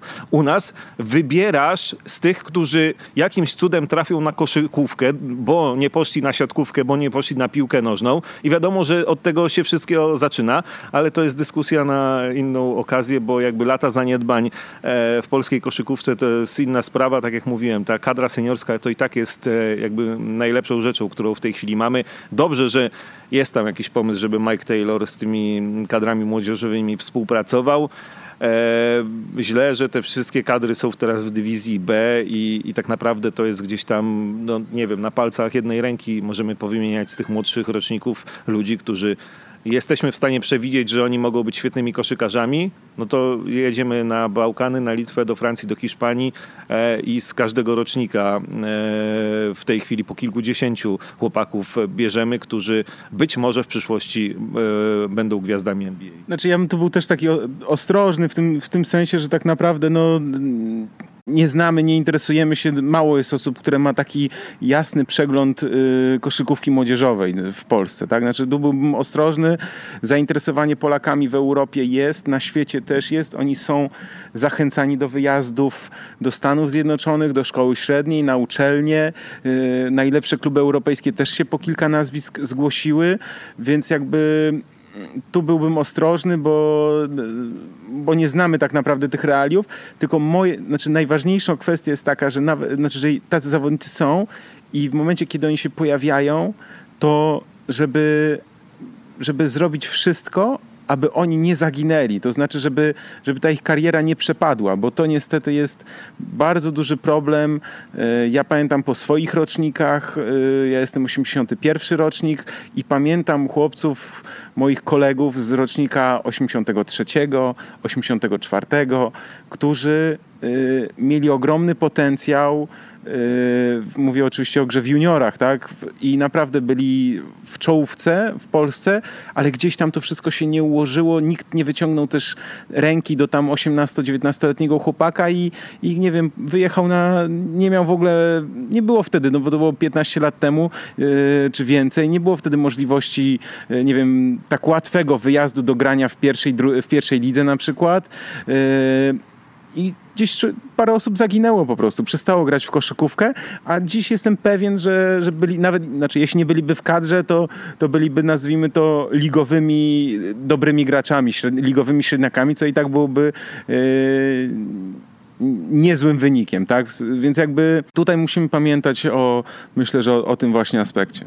No, to jest też mm, ważne, co Krzysiek y, poruszył, bo mm, rzeczywiście reprezentacja koszykarzy to jest takie nasze największe dobro mm, koszykówki, no ale y, żeby ją zbudować, no to y, cały ten system musi działać jak należy.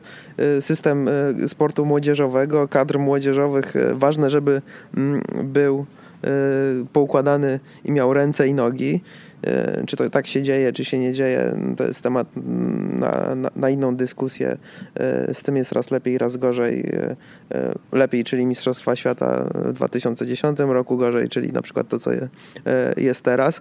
No ale my tak naprawdę w dużej mierze mamy duże wymagania, ambicje, chęci, oczekiwania E, a de facto, jak e, zaraz wrócimy na nasze piękne e, podwórko w polskiej lidze koszykówki, no to, to jednak powodów do tego optymizmu długofalowego mm, raczej nie ma, no bo te kluby są budowane w sposób chaotyczny i, i bez wielkiego planu i wizji. W polskiej koszykówce nie ma dużych pieniędzy, przez co z zagranicy są ściągani zawodnicy, mm, jacy są ściągani. No, przypadkowi, można takich nazwać.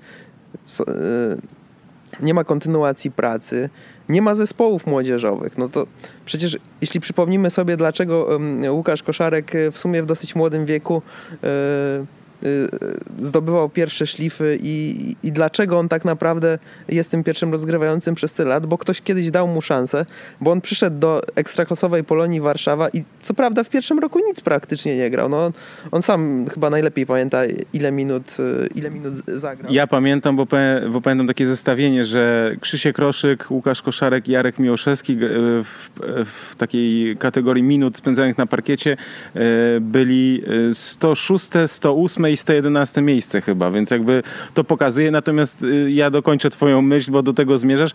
Nie grał w Ekstraklasie, ale grał w drugiej lidze i w juniorach starszych.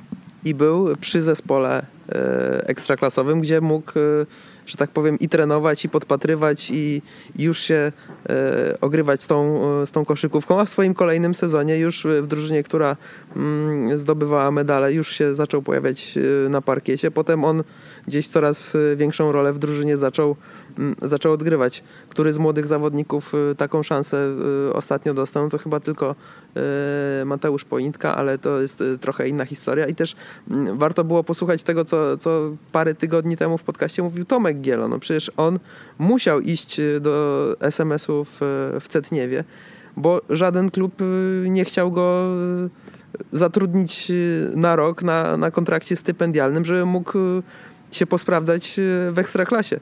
Gdzie byłby teraz Tomek Gielo, gdyby rok zagrał w Ekstraklasie? Tak jak Przemek Karnowski. Przemek Karnowski zagrał rok w Ekstraklasie, a, Tomek Gielo, Gielo nie został. Gielo jest teraz mm, w Hiszpanii, w lidze, w lidze hiszpańskiej. Od zawsze miał plan y, wyjazdu do, mm, do Stanów. Pytanie, o ile lepszym byłby koszykarzem, gdyby rok spędził w Ekstraklasie, a nie w drugiej lidze. To jest właśnie pytanie. No i niestety, niestety cała, ta, ta, cała ta nasza koszykówka, no my zawsze patrzymy na ten Eurobasket, chcemy tego wyniku, jest naprawdę, napinamy się, cieszymy się ze sparingów, pompujemy sobie ten, ten balonik, ale jednak e, rzeczywistość jest taka, że e, te nasze wyniki, czy ten Mike Taylor będzie pracował kilka lat, e, czy rok, mm, są w dużej mierze przypadkowe, no bo on tak naprawdę nie ma wyboru, nie ma z kogo wybierać. No. Koszykarzy mamy jakich mamy i szanse na to, że oni będą lepsi, no, są, są, są raczej, raczej małe. No. Wspominałeś o, o Balcerowskim, o Lejniczaku. No. Nie wiem, czy oni będą grać w kadrze. No ja mam wątpliwości. No, PZ, PZ Kosz y, chyba ich straci na jakiś czas y, ze swojego y, pola widzenia, no bo kluby europejskie po pierwsze już zaczynają bić się z, z FIBA o to, kto, będzie, kto będzie górą. No, Euroliga jako pierwsza zaczęła prężyć muskuły i, i i być może, być może wygra. Zobaczymy, kto, kto z tym pójdzie. A e, NCAA tak samo, przecież ona nie wypuszcza koszykarzy e, na letnie granie w, w kadrach. Oni mają summer campy, mają tam swoje e, treningi i ani myślą ich wypuszczać chłopaków, żeby grali w, w, w reprezentacjach, bo dla nich rozwój tych koszykarzy na rzecz kadry się nie liczy. Dla nich się liczy to, czy oni będą dla nich zdobywać punkty, wygrywać mecze i czy potem trafią do NBA, bo to jest dobre dla ich programu. Właśnie, bo że jeśli chodzi o y, grę na uczelni, tak, to nie mówimy tylko o, o letniej, o letnim okresie, bo Dominik Olejniczak był, byłby w kadrze, gdyby, gdyby nie jego sytuacja na uczelni w tym roku. Y, ale jeśli nawet byłaby szansa na wakacje, tak, kogoś, kto jest w NCAA, no to, no to teraz są te okienka, więc jest, yy, nie ma takiej szansy, tak, więc jakby, a naprawdę myślę, że warto też spytać, czy Daniela Szymkiewicza, czy Filipa Matczaka, czy kilku innych młodych zawodników, którzy gdzieś tam na tej kadrze w tych ostatnich latach się pojawiali, to naprawdę obecność z tymi zawodnikami no, z najlepszymi w Polsce graczami, z, z poznanie też kultury pracy Mike'a Taylora. Znaczy, to doświadczenie odgrywa potem kluczową rolę. To znaczy, umiejętności oczywiście, nie wiem, takie stricte, które można statystykami pokazać, to, to jest jedno. E, natomiast ta pewność siebie, ta ta psychiczny, ten komfort psychiczny grania tak, na najwyższym poziomie, to, to, to się też buduje. Tak? Znaczy, wiadomo, że te, tacy ludzie jak Doncic się rodzą raz na nie wiem, no chyba parę milionów co najmniej z taką pewnością siebie u takiego dzieciaka. Natomiast u wielu graczy jest to proces, tak, który gdzieś tam musi następować i oni muszą uczestniczyć w, w, w właśnie w tej seniorskiej koszykówce, chociażby byli tylko zaproszeni na taki kamp, e, jak były w Wałbrzychu, tak, przygotowawczy, czy nie wiem, do szerokiego składu. Będzie teraz kadra B, znaczy już od, e, jest ta, ta, ta te rezerwy, nazwijmy to, tak, które, które gdzieś też wakacje, e, to ostatnio Przemek Frasunkiewicz prowadził tą drużynę, tak, więc jakby i oni są jakby gdzieś w, w, w, zainteresowaniu trenera Taylora i gdzieś oni są blisko tego i, i kto wie, tak? Bo przecież, słuchajcie, w 2021 roku to, to Adam Waczyński będzie miał 32 lata, tak? Znaczy Łukasz Koszarek to już będzie miał prawie 40. Siwą brodę. Siwą brodę będzie miał, no tak, znaczy no, więc jakby to też jest ta kwestia, że, że trzeba pamiętać o tym, że, że za chwilę no, ktoś, będzie, ktoś będzie musiał grać na tym, na tym Eurobaskecie. Ale ja bym chciał zobaczyć Łukasza Koszarka, jeśli awansujemy na Eurobasket 2021, to chciałbym go zobaczyć gdzieś tam w, w tej kadrze, niech, niech on się w tej dwunastce załapie, niech bije jakieś rekordy występów mm, w reprezentacji, nie wiem, czy, czy, czy nie miałby więcej Eurobasketów od Pau Gasola, więc nie wiem, czy, czy nie warto go tam puścić, zabrać. Do przemyślenia. Czekaj, liczę. 11, 13, 15. Yy, ile Gasol? Piąty Eurobasket gra? Yy, sześć medali już ma, gra siódmy. To nie. To jeszcze, to nie, to jeszcze nie. To, to, to, to niestety to się nie uda. Nie, no dobra, e, tak chyba powoli kończąc, to, to, to wniosek jest taki, że koszykówkę mamy jaką mamy, e, żeby była lepsza, to tak jak dzisiaj pogoda nad nami, widoków ja, e, ja na razie jakichś wielkich niestety nie mam na to i patrząc na wyniki kadr młodzieżowych, to jednak ja się upieram przy tym, że to nie jest przypadek, że w dywizji A grają takie sobie drużyny, które później w seniorskich rozgrywkach też rządzą, a Polski tam nie ma albo Polska tam bywa w tych rozgrywkach juniorskich. E, to z czegoś to wynika i to nie są dobre rzeczy. Kadra seniorska ok, zostajemy z Mike'iem Taylorem. E, nie wiem, czy to dobrze, czy źle. Czekamy na eliminację i, i w eliminacjach miejmy nadzieję, że się okaże, że że Mike Taylor i ta droga obrana przez PZ Kosz z Mike'iem Taylorem to jest y, dobra droga i znowu będziemy pompować pom, pomponik, balonik będziemy pompować, że z Węgrami wygramy, bo może Adam Hanga na przykład nie przyjedzie, bo w Eurolidze gra, bo z y, kim tam, z Kosowem i z Dardanem byliśmy... Ale poczekaj, bo z Litwą gramy. 23 listopada Polska-Węgry, to u siebie i potem 26 listopada z Litwą na wyjeździe, no i paru zawodników nie będzie w składzie Litwy. No i w ogóle ciekawe, czy na przykład Litwini zmienią trenera po Eurobaskecie, czy nie zmienią, czy stwierdzą, że jednak ta porażka z Grecją to tak się e, przydarzyło i, i, i tyle. I, i gramy dalej z Adomaitisem. E, ciekawe, no jakby znów, no co, co ja mogę powiedzieć?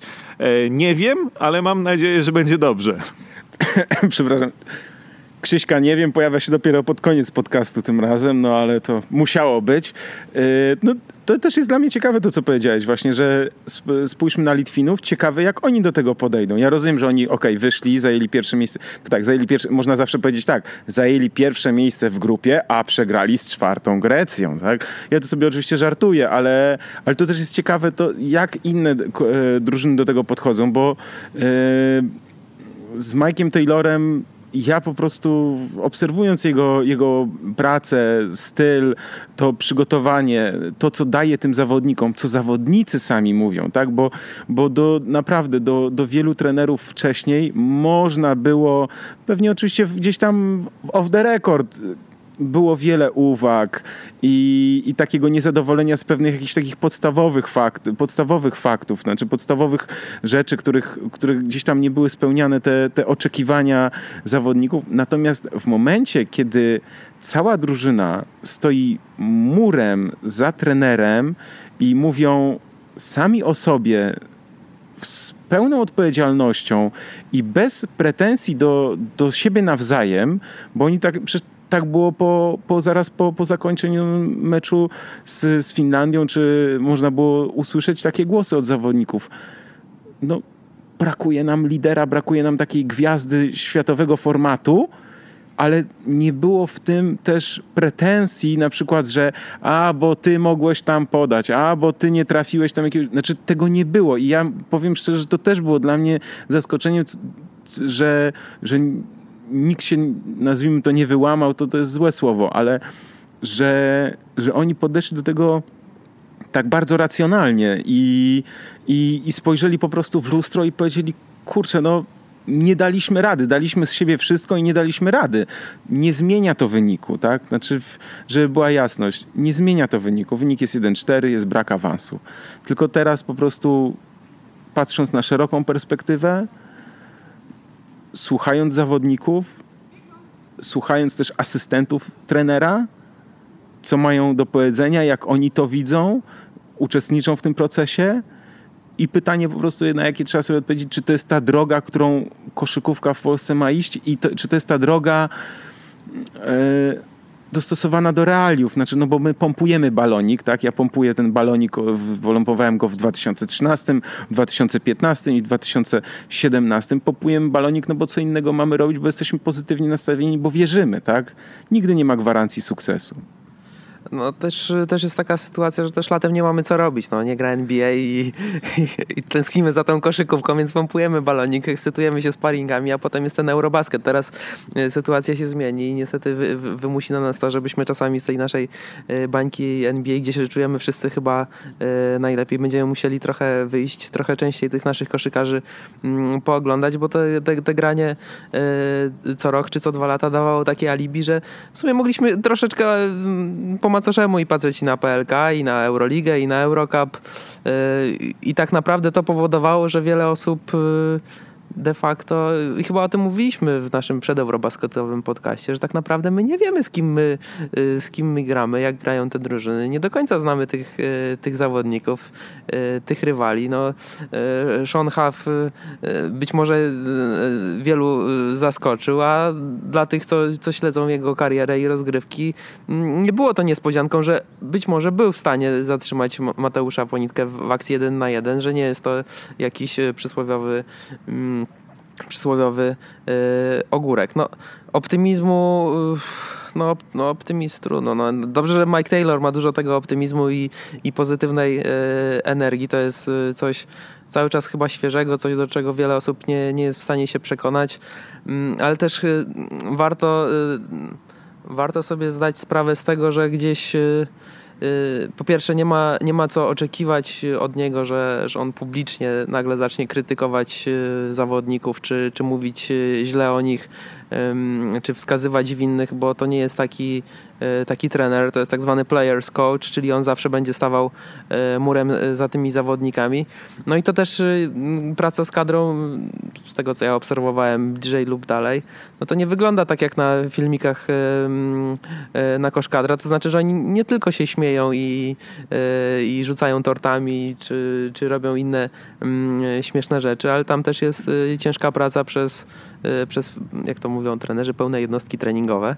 E, I, no i gdzieś, gdzieś, gdzieś można mieć, e, mieć jakieś mm, zaufanie do tych koszykarzy, patrząc na to, jak oni się jednak rozwijają, chociaż cały czas nie pełnią wielkich ról w, w, swoich klubach, nie są liderami e, czołowych drużyn mm, Ligi Hiszpańskiej, tak jak hiszpańskiej, tureckiej, czy, czy, czy, czy, czy, czy możemy inną wielką ligę tutaj wstawić. No ale się rozwijają. No i mam nadzieję, no tutaj teraz chyba przed y, kącik życzeń, no mam nadzieję, że to się sprawdzi w, w kwalifikacjach, że jednak ta droga obrana okaże się słuszna. No, mm, Litwa jest, będzie rywalem trudnym bez względu kto tam będzie trenerem i kto, yy, i kto, kto będzie grał, mimo że być może stracą yy, dużą część, a jeśli nie większość yy, reprezentacji, no to jest to tak zwane basketball country i, i, i oni swoje po prostu będą y, musieli zrobić, oni będą faworytem.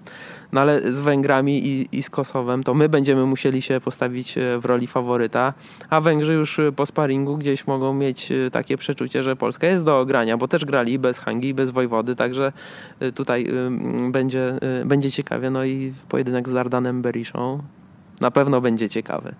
No, będzie na pewno Dardan wyjątkowo zmobilizowany. Miejmy nadzieję, że to nie na tyle, aby gdzieś tutaj sprawić nam problemy. Ja tylko jeszcze chciałem powiedzieć, bo dobrze Michał powiedziałeś odnośnie podejścia e, trenera, podejścia zawodników też do, do tego trenera. Rzeczywiście no, jest tak, że, że gdzieś tam można było zobaczyć e, właśnie czy ten tort, czy, e, czy, czy, czy jakieś zabawne, zabawne sytuacje.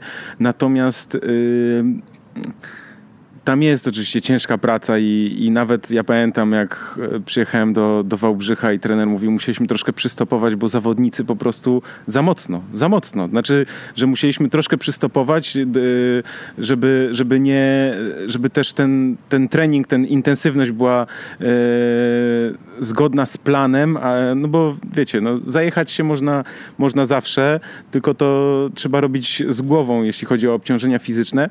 I ja mam takie wrażenie też, że, że niektórym osobom nie gdzieś krytykującym trenera Taylora nie odpowiada yy, jego forma, jego styl. To jest coś, do czego nie, gdzieś w Polsce niektórzy jeszcze nie przywykli, że nie ma zamordyzmu I ja to nazywam wprost po prostu hamstwa yy, i obrażania zawodników, yy, nazywania ich na treningach, kiedy oczywiście nikt nie słyszy, obrażania ich i tak dalej, bo to jest też pewien styl, który gdzieś tam się wpisał yy, w, w, koszykówkę też, no ja dobrze znam, tak? Taki styl, gdzie, gdzie, gdzie się po prostu mówi bardzo nieelegancko w stosunku do drugiego człowieka i, I mi się wydaje, że też, że ci zawodnicy potrzebowali człowieka, który ich przede wszystkim szanuje i kiedy oni czują szacunek z tej drugiej strony, to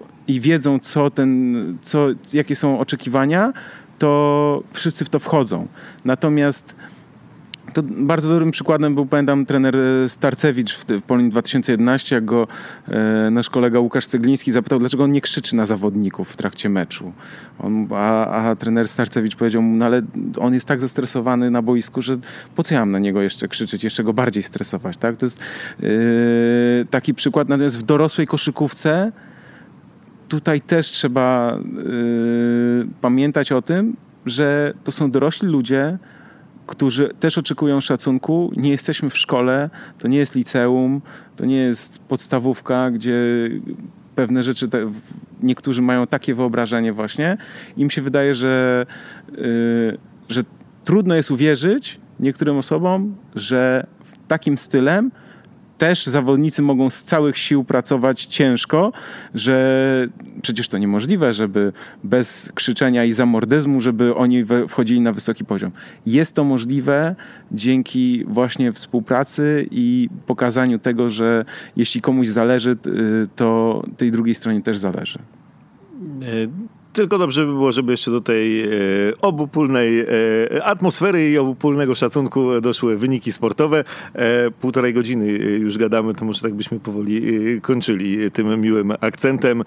Wszystko fajnie, ale niech Polacy wygrywają. Jeszcze oprócz tego, że, że, że się wszyscy lubią w tej kadrze. Kończymy, no bo zaraz zaczyna się sezon NBA, już miesiąc do początku mm, rozgrywek, więc poświęciliśmy trochę więcej czasu na, na, na kadrę. No a teraz y, zajmiemy się tym, co lubimy najbardziej chyba w następnym odcinku. Potwierdzam, y, będziemy teraz się zajmować y, głównie NBA, a więc tym, co tygrysy lubią najbardziej, jak to było w Kubusiu Puchatku. Ja się nazywam Michał Pacuda i dziękuję bardzo moim gościom. Był to Krzysztof Sendecki z Radia Tok FM. Dziękuję. Oraz Michał Owczarek ze Sport.pl. Dziękuję. No i dziękuję wszystkim, którzy tego słuchali, e, wysłuchali naszych dyskusji. Dziękuję bardzo. Do usłyszenia już niebawem.